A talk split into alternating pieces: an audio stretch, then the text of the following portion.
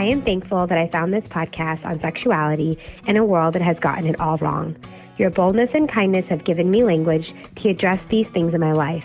You've given me courage to start conversations with people I love, knowing I can listen better, give compassionate guidance, and have the knowledge to back up what I'm saying. Thank you for these conversations and for pointing me to Jesus and the beauty of sexuality. Hey, friend, this is Hannah Nitz, and man, we love hearing from you. What you just heard was a podcast review from Maria on Apple Podcasts. Thank you so much for those words, Maria. And we are just so encouraged by the ways that God is using this podcast, the way He's using authentic intimacy and Java with Julie to encourage and equip the church and really reclaiming His design for sexuality, His story from the very beginning. This year alone, authentic intimacy has reached over 400,000 people. And over 205 countries people are hitting the website from. Isn't that a crazy number?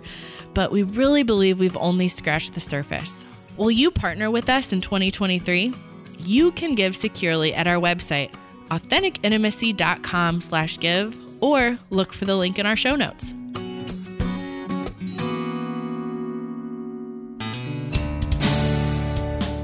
Welcome to Java with Julie. I'm Julie Slattery, and we're back with our Christmas gift series. Hannah, thanks So for joining me again. So glad to be here. This is fun. Yeah, so we're talking about gifts, and today we are talking about gifts that you could bring in friendships or in a dating relationship. This is something you give your spouse.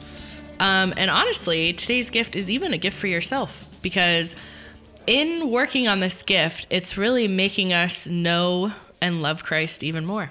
Yeah. So last, roll, please. There you go. So last time, the gift we talked about was having the right view of marriage and sexuality. And this time, we're talking about the gift of a heart that's free from shame and lies. That's a big one. You It think is we're going to tackle that in this little episode? I think we are. I think we can do it. Man, I feel like this is a topic that it's we could talk about for hours. Yeah. You have So let's see how fast we could do this. Yeah. I have hours. I don't know if our listeners want to listen That's to this for hours, but yeah, I'm excited to dive into this and just walk through some of these areas. I know, Julie, I always love your combination of wisdom, but also just practical. Mm-hmm. So I look forward to seeing that combination. But before we do that, Julie, we are going to just, you know, keep things in the Christmas spirit. Have a little fun. Last week we talked about our Instagram poll responses, which were so fun. I know this kind of stuff isn't your favorite. That's Christmas right. isn't your I- favorite. you make me laugh. Instagram surveys aren't I your like favorite. Christmas. Oh, great. I just don't like shopping. Isn't it funny? Those have become so hand in hand, though, that it's hard to be like, maybe I don't like Christmas. Yeah. and I don't love decorating, but I'll do it. yeah. And you don't like sending out Christmas cards. Mm. I don't. But I still like Christmas.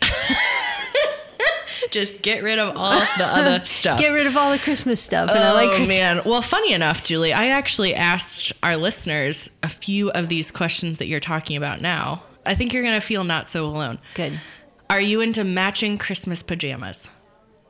Mm, I could take them or leave them. That's a no. Okay, 68% yes. Okay. 32% said no. All right. So you're doing great, Julie. Uh, next question. Do you tell your family what to buy you for Christmas? No.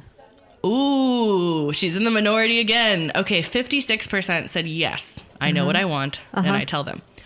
Only 22% said no. I love a surprise. I'm feeling really weird right now. But then 23% said, My spouse needs the exact link to what I want, or I get bad gifts.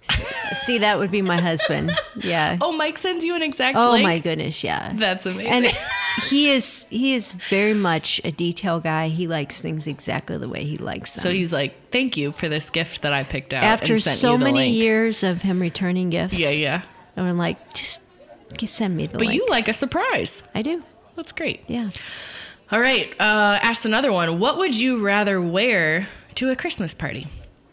30% said, give me only comfy clothes. Mm-hmm. 55% said, let's get dressed up in Christmas cute. 14% said, I don't want to go to the party. Thank you. Oh my goodness, I think I'm in the 14%. Unless it's your party, Hannah. Thank you. Thank you. That's hilarious. How do you feel about buying Christmas gifts? We know where Julie stands. 56% said, I can't wait. Call me Santa. Oh, oh. 23% said, Didn't we just do this? and 21% completely neutral. Wow. I know. Mm-hmm. I also asked, What's a food you only eat at Christmas time? Mm-hmm. That was fun. People wrote about, you know, family traditions and cranberry relish and cheese balls. But then people also wrote about like a Slavic mushroom soup that their gra- grandma makes every Ooh. Christmas or tomato pudding. Oh, They said you either love it or you hate it. yes. I can tell by Julie's face she doesn't think she'd like it. Tomato and pudding should not go together. Do you like um like a V8 like a, like a oh no. well I do. I like tomato soup. Here's one you might like. Someone said spicy sweet potatoes. I would like that. That sounds up your alley. What do you eat only at Christmas? My mom makes something called cinnamon Christmas rolls, Mm-hmm. and for some reason, they are Christmas rolls that we are only allowed to eat Really? on December 25th. Yeah. It is a very strict rule, and it was implemented probably before I could walk. Like it was our whole life, and it was so special on Christmas morning. Well, your mom, anything she makes Oh, is amazing. 10 like she would make tomato pudding taste good somehow. she would. Do you have a Christmas only food? Yeah, we have this special f- food that we order, and it's this chocolate mint Christmas torte. Mm. And I order them right after Thanksgiving, and it's really from my husband's family's tradition. And they will fight over this torte. Like, Amazing. Yeah, from the time the kids were little, they would negotiate how much torte they got. So that I love Christmas. Yeah, yeah it's pretty cool. I so also love that, stories. that peppermint bark stuff. That's really Mm, good. That's also Yeah. very good. Uh-huh. All right, Julie. Well, that's the end of my Christmas giggle All segment. right, now we get serious. Now it's time to talk about the sin in our hearts. The I'm sin in our kidding. What are we talking about? Shame the and shame lies. and shame and lies. Yeah, Tomato, tomato, tomato pudding. tomato pudding. There you go. All right. So you claim that this is a gift for many people. Mm-hmm. So tell me about why this gift came to mind when you thought about mm. gifts we're giving for Christmas. Yeah. So, kind of the metaphor I think of with this gift is I think about the idea of having something mortgaged. So, hmm. Hannah, we are sitting in my basement right now. Yes. And if I wanted to give you my house hmm. because I love you so much, Thanks, Julie. I couldn't because I don't own it all. Um, some of it's mortgaged by a bank. And so I can't give what I don't own. I see where this is going. Mm-hmm. I like it. Yeah. Okay. So Yeah, then so- my heart. Yeah, so my heart, I can only give what I own. And in truth, all of us have aspects of our heart that are mortgaged by shame and lies. Man. How are you hitting me with this in the first 30 seconds? Oh, That's so good. You warmed me up with the tomato pudding. Wow. Hmm. So, this mortgage analogy, Mm-hmm. the more of our heart that is occupied, when you say we can't give our heart, do you mean what would that hinder us from? Like relationally? Yeah. Mhm. So, what would I experience? Like, less? Okay, so I'll give you some examples. So let's say like one of the the lies that I have been mortgaged by is that performance is really important. Like I have to be the best. I have to when I was a kid, you know, get all A's. Like I could earn love through performance. And so when I think about how that's impacted my marriage, when I first got married, I began to project that onto my husband. And mm. like he is a part of me now, so he has to perform. Hmm. And I couldn't accept him the way he was. I kept wanting to change him and to become like me or manipulating him into making decisions the way I thought he should because my identity was wrapped up in that lie. So Oof. so that's one example. Another example and this is what I think everybody will identify with. Why is it so hard to say I'm sorry? Why is it so hard when you're in conflict to admit the part that you did wrong? Because I'm never wrong. There you go. Isn't that what all of our internal mon- monologues are? I I think it does. I, you know, I think it does, but I also think it's because we can't be wrong.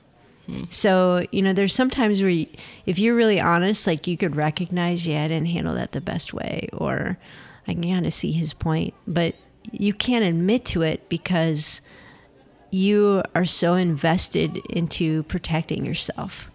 And so people will just have conflict after conflict after conflict and never be able to say, Would you forgive me? I was wrong. I did this the wrong way. Because it almost feels like our survival is dependent on proving that we're right. Hmm. So, like, that's another area where we can't have intimacy because we're so bound by the lies and the shame that make us feel like we always have to save face. Man, so with these examples, Julie, like when you opened saying like this could be for friendships, this could be mm-hmm. in marriage, this could be for yourself. So you find these things like these lies, the shame that can take over our heart, even impacting friendships. Yeah. Like I- you would say any relationship. Oh yeah, like I think even Hannah, when we look at the larger culture of how combative we've become, like how we we have so little grace for anybody that has a different view of something. Oh man. It's like we have to prove that we're right, and we have to do it in an abrasive way. We reject people or cut them off if they don't see things the way we do. And why is that? why do we take that posture and it's it's really because we can't even handle the ambiguity that I don't have the corner on truth. Hmm. And so we're we're always in this posture of being defensive or having to prove ourselves or just avoid people that we disagree with. Man. Yeah, I can see how that gets in the way. Yeah. so, so we went from uh, you know comfy Christmas clothes all the way deep to this. Come on, I'm sorry, you're hitting it hard. Yeah. Yeah. So, I mean, are you going to say then here at the beginning, if you are hearing the sound of my voice, you have this problem too? Yeah. Oh, man. Yeah. I mean, would you agree? no, I mean, I really would. I really would. Yeah. You, you know, you read the scripture, and the scripture talks about how we all are sinners. And we're like, yeah, we've all done bad things. But I think what we don't realize is no, our hearts are all wicked. My son and I were having a conversation a few days ago, and he just said to me, he's 25, and like he's on the journey of just learning about God and knowing God at a deeper level. And he said, You know, mom, what I realized is when it comes down to it, every single thing I do is either motivated by either fear or pride. He's like, as much as I might make it look good, like that's the motivation of my heart. And we began to talk about how, yeah, like that's the gospel. Like Jesus wants to give us a new heart. So we're not mortgaged anymore by fear or by pride or by shame or any of those things. But we actually have the heart of Christ where we can love and give ourselves in a different way. Hmm. So sometimes, Julie, when I hear that kind of language around like the pieces of my heart being evil, and mm-hmm. your son so eloquently talking about what these motives are, mm-hmm.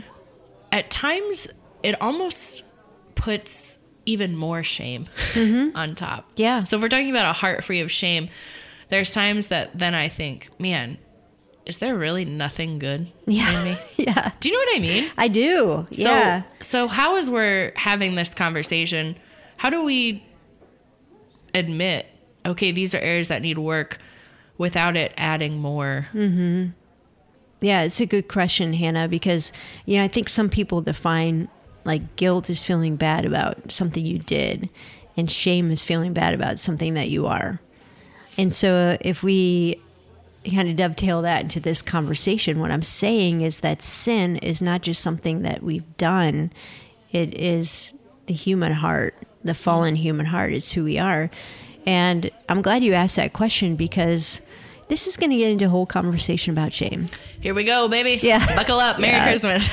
yeah, I you know, we live in a time where shame is like a swear word. You're not supposed to say it. Yeah. Um where I mean, in other people's defense, though, you did put it in the title. I did. Heart, I did yeah. free of, of I know shame. I did. So I did. Yeah.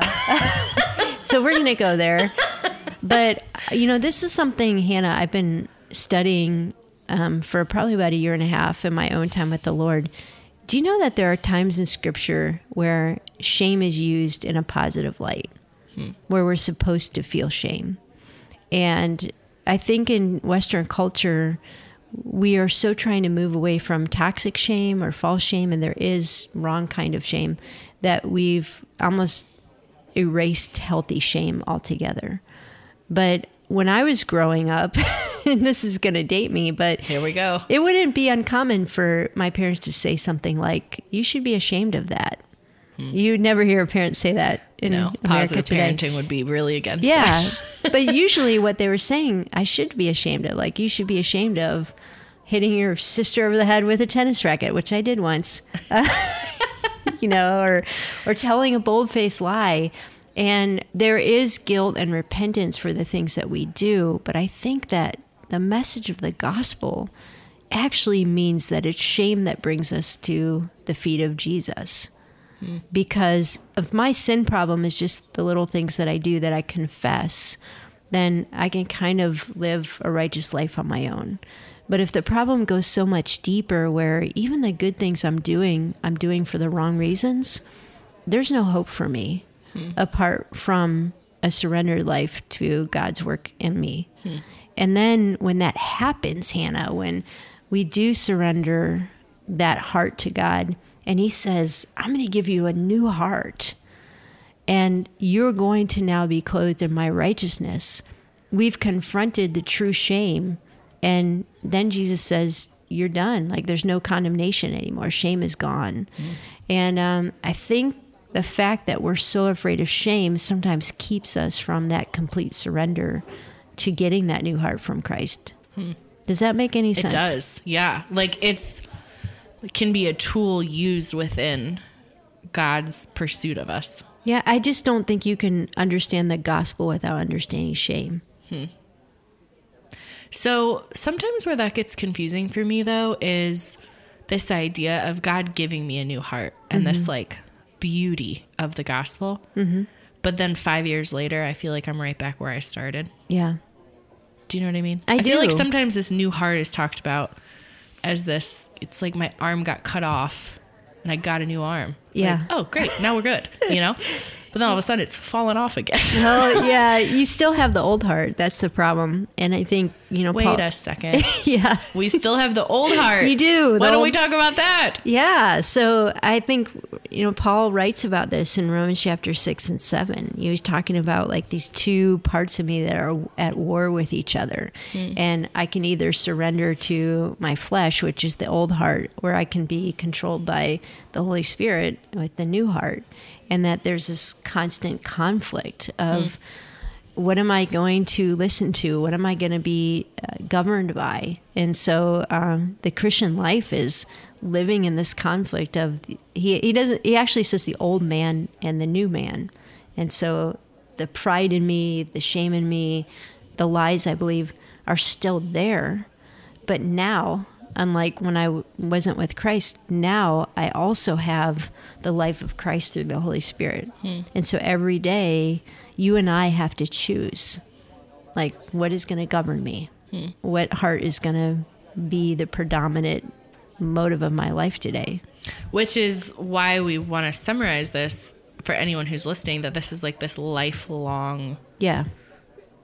gift. Right because it, it's not this one time thing. No, it's it this is not. constant. and here's the other thing about shame satan is called the accuser and so he will pick up the old scripts of shame that at one time had a truth to them and he'll keep throwing it in your face hmm. and so this is where shame gets toxic so if I have dealt with my shame before Christ and I've confessed my sin and I've said, Jesus, I want to take on your righteousness. Now I am a new creation in Christ, but Satan keeps coming back and reminding me of all the ways that I fail, of all the ways that my heart is wicked. And now it's it's like you're right, Satan, but that's not how I'm defined anymore. I'm defined by the righteousness of Christ. And so uh, that stuff is still going to come back, but now in Christ we know what the right answer is. We know how to defeat that. Man, so the battle still wages on. We're just given the key to victory. Yeah, like before Christ, you have no chance of victory because all you have is the flesh. But when you are in Christ, now you have this new life in Christ that is at war with the flesh. Um, and through the Holy Spirit, you begin to experience more and more victory as you surrender to God.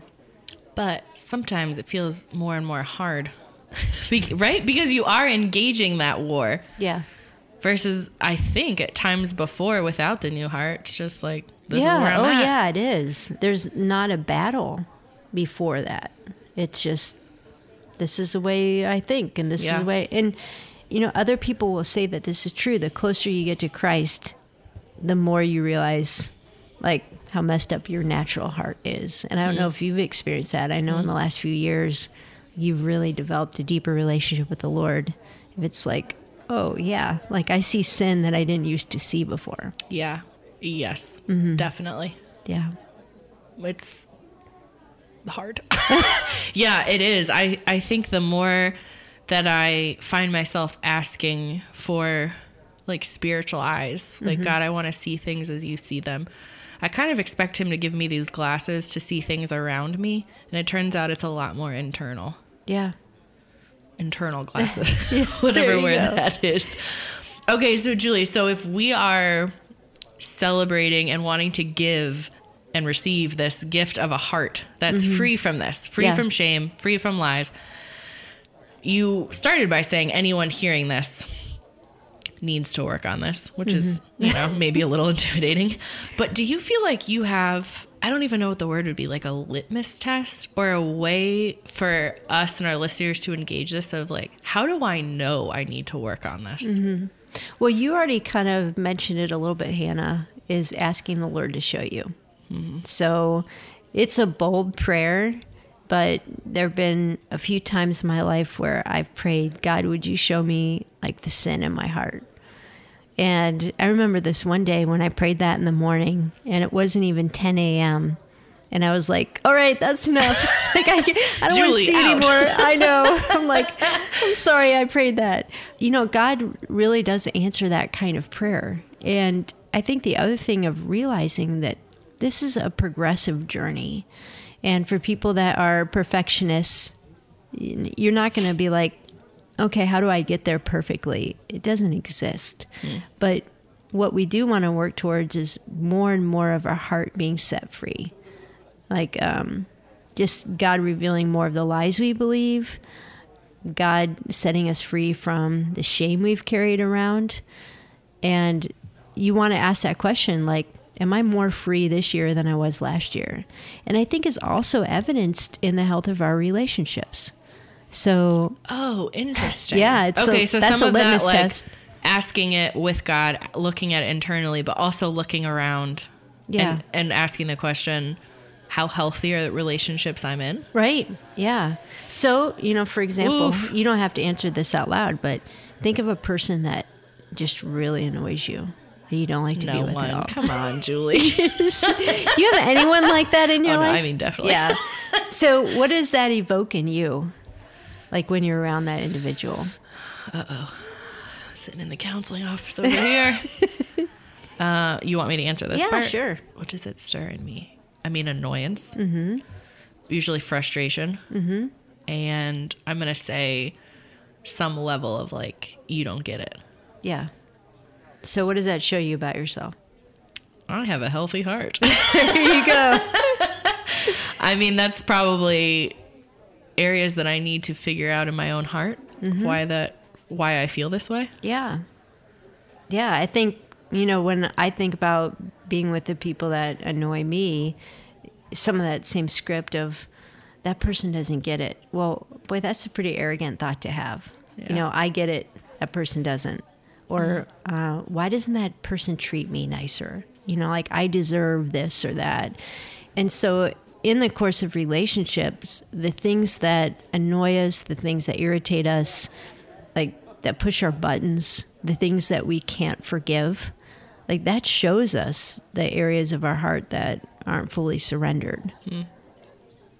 So, would you ever encourage someone to actually ask this question in relationship? What- Or do you think this is more of an internal test? Like what kind of question? so you saying like looking at the health of relation relationships you're in and relationships around you will point to if there are areas of shame or lies mm-hmm. that we Yeah. need to work on in our mm-hmm. hearts. I don't know. I mean, I guess I'm thinking if I look at my husband, mm-hmm. I look at my mom, I look at some of my best friends, like could you have this conversation with them asking for more of like an evaluation Yeah, on you how they see could. your own You heart? could, yeah. If it's a safe relationship, you could you could ask about what areas do you think that I need to grow, or what areas do you see that I still believe lies, Hmm. and how does that impact our relationship? I think we see a lot of this when there's conflict too. Yeah So conflict brings it out it does because you naturally are going to defend your turf, dig into your position, prove that you're right. Or, you know, like me, sometimes I'm so much of a people pleaser that I can like give in when I should stand my ground, but I give in because I don't want that person to be mad at me. Well, what's the lie I'm believing? You know, like I won't be loved if I stand my ground. Like I can't afford to lose love. Hmm. So, you know, this is the kind of work that you do in counseling. I was just gonna say Yeah. that. I was like, I feel like this is so much of what you what's worked through in counseling. Yeah, it really is. I mean, good counseling. This is the curiosity of, yeah, why don't I want to give up on that? Like why why do I react that way when I feel threatened or when there's conflict? Like help me understand that. Yeah. And usually it does go back to things that happened to us early in life and ways that we've just learned to stay safe and navigate the world, but those things are keeping us mortgaged. Hmm. So, Julius, we're talking about shame. Would you have a difference in how you describe like a toxic shame versus a healthy shame? Yeah, boy, absolutely. And I do think that there's some shame that we carry around that is from the enemy. It's it's baggage that we need to ditch. It's not things that- Toxic. yeah, there you go. So uh, I think um, you know one question that I think we should always ask is does, does this shame tell the truth? And sometimes we feel ashamed of things that really aren't even our fault, that we don't need to own, that really aren't an offense to God or something that we've done that's morally wrong. So, for example, you might be ashamed of your father, and maybe he was an alcoholic, and you have this deep shame growing up because he would embarrass you. You're ashamed of being poor or you're ashamed of having a learning disability. Like these are things that you did nothing wrong and the enemy wants to use that as a weapon against you. And so that shame doesn't tell the truth. I, I would say that's very true of shame that people feel when they've been sexually violated. I would say that perhaps every survivor of sexual abuse or trauma feels at some level responsible. And that's toxic shame. That is not your fault what happened to you. And so when our shame doesn't tell the truth, we have a different reaction to it than when it does. When it doesn't tell the truth, we call out the lie and we confront it with what's true. But what we're talking about is shame that does tell the truth. And so the shame that, you know, my heart is full of pride or my heart is full of hatred or anger. And those are things that instead of trying to deny that, I want to bring before God and I want to say, Lord, would you would you change me? Would you remove this? Would you give me a clean heart? Would you purify me? And so I think it's really critical, Hannah, that we recognize the difference between shame that tells a lie and shame that tells the truth. Yeah, if not, we just shut it all down Yeah. and ignore this piece that we're saying is has importance to it. So if someone's hearing that, Julian, saying, "Man, this is something that I want to work on," mm-hmm. and they're hearing you saying, "Okay, I'm praying about this," could you maybe talk about that with me a little bit more on what that actually looks like to pray with God about something like this? Because I think it's tempting to be like, okay, dear God, thank you for this food that we're about to eat. Thank you for my family. Pray that you would give us a safe ride home. And if there's any sin or shame or lies in my life, please show me. Amen. Do you know what I mean? That's- we just add it into the a- list. that's then not a we- bad We move on. but yeah, I don't know. Is there? Do you have any? I guess wisdom on what that's looked like as we pray about that more earnestly. Yeah, I think, like, for example, I love Psalm 139. And this is a psalm that David wrote about intimate knowing and God's intimate knowledge of Him and how God knows these things before we even ask about them. God Yeah. knows everything about them. He knows every lie I believe, He knows my fears. And at the end of that psalm, David says, Search me, O God, you know, know my heart, show me any wicked way that's within me. Mm. And I think that kind of prayer is just like that's a great model. Search me, O God, show me if there's any wicked way within me. Uh, or another thing that David prayed in one of his psalms is, uh, lead, lead me to truth in my innermost being. And that's something that I've prayed before. Not just lead me to truth in my head, but my innermost being. Where, where is my heart still mortgaged? Where do I still fear people more than I fear God? You know, where do I still feel defensive? Like, uh, like I have to protect myself instead of allowing myself to be known by the people that love me. Uh, and again, that's a journey, Hannah. It's some. It's a journey that God takes us on, but it's also something that we have to be willing to pursue instead of just staying stuck in our ways. I think Julie, you and I were talking about um, before we started the podcast that I had been rereading a book called uh, Secrets of the Secret Place. Mm-hmm. And in that book, one of the sections I remember that was talking about prayer, the author was talking about the importance of sitting in prayer and silence in prayer and waiting in prayer.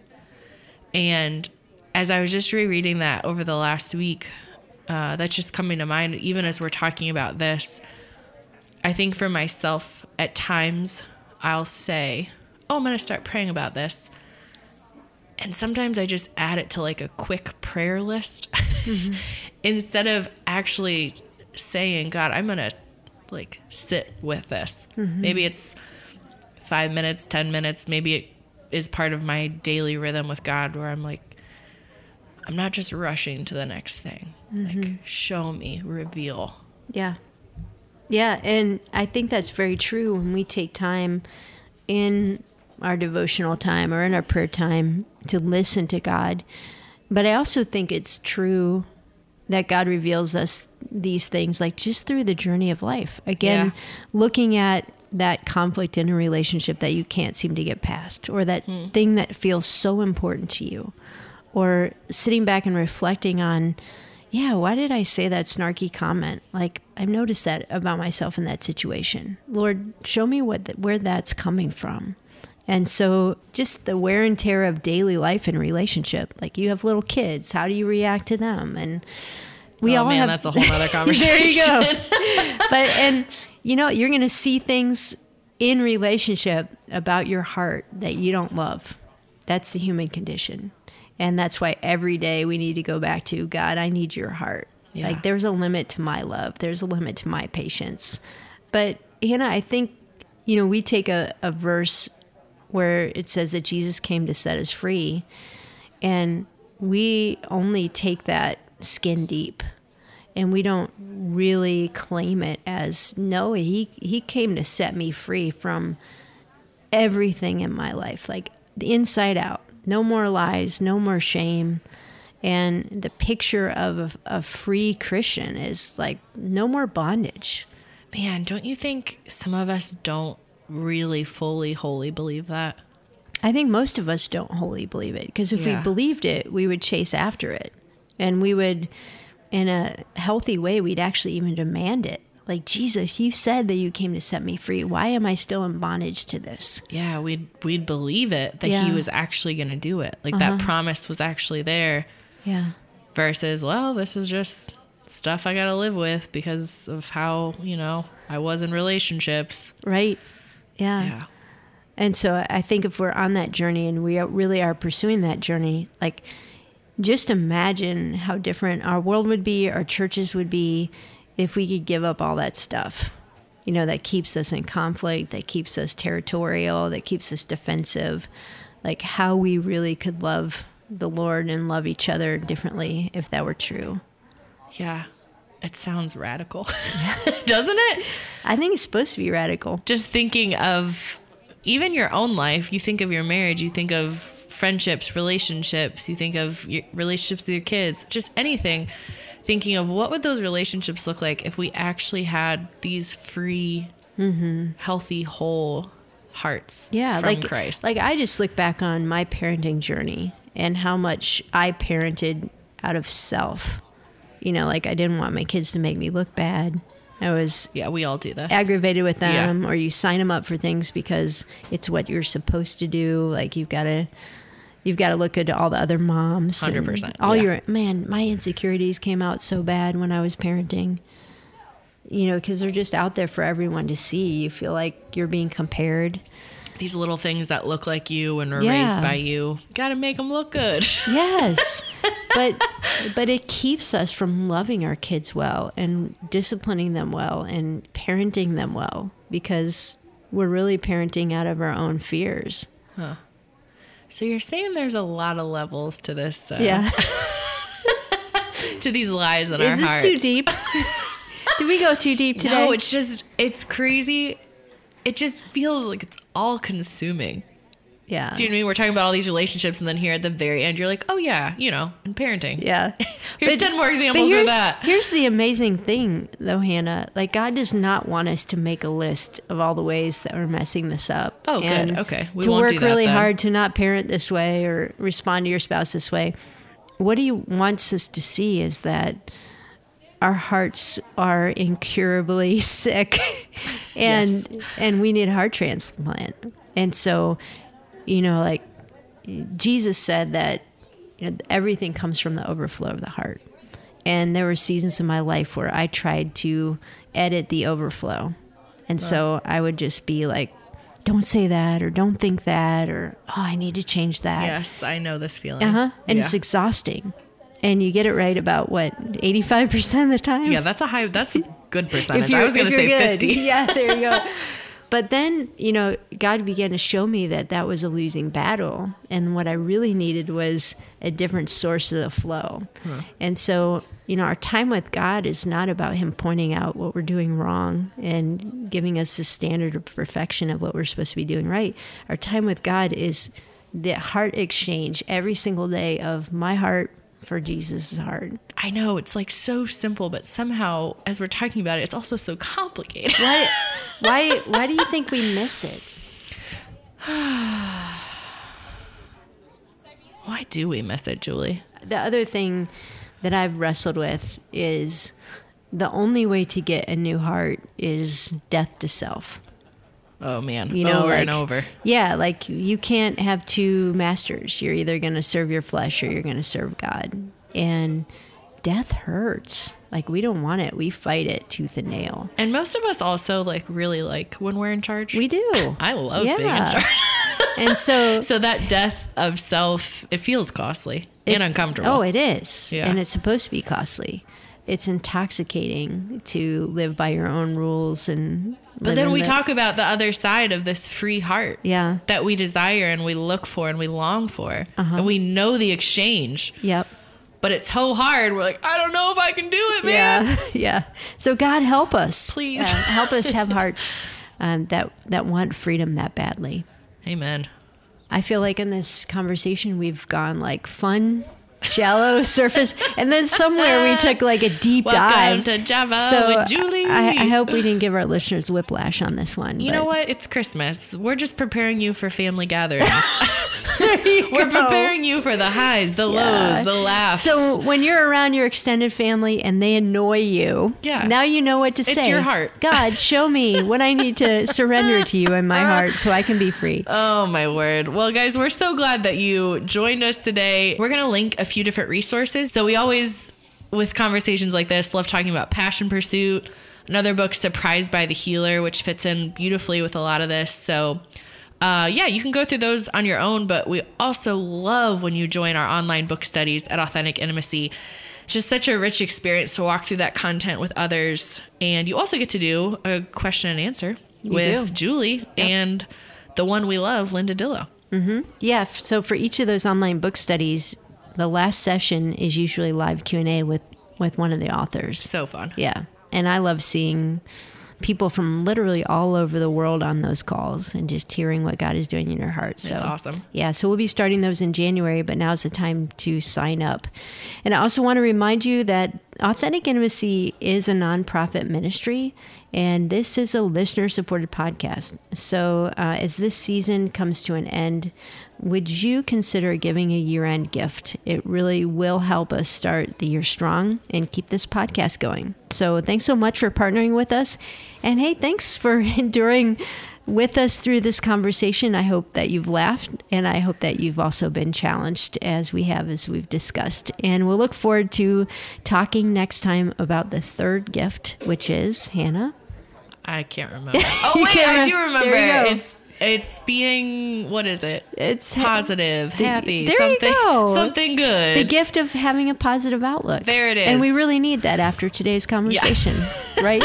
yeah, stick around for next time. All right. Well, we look forward to joining you next time on Java with Julie.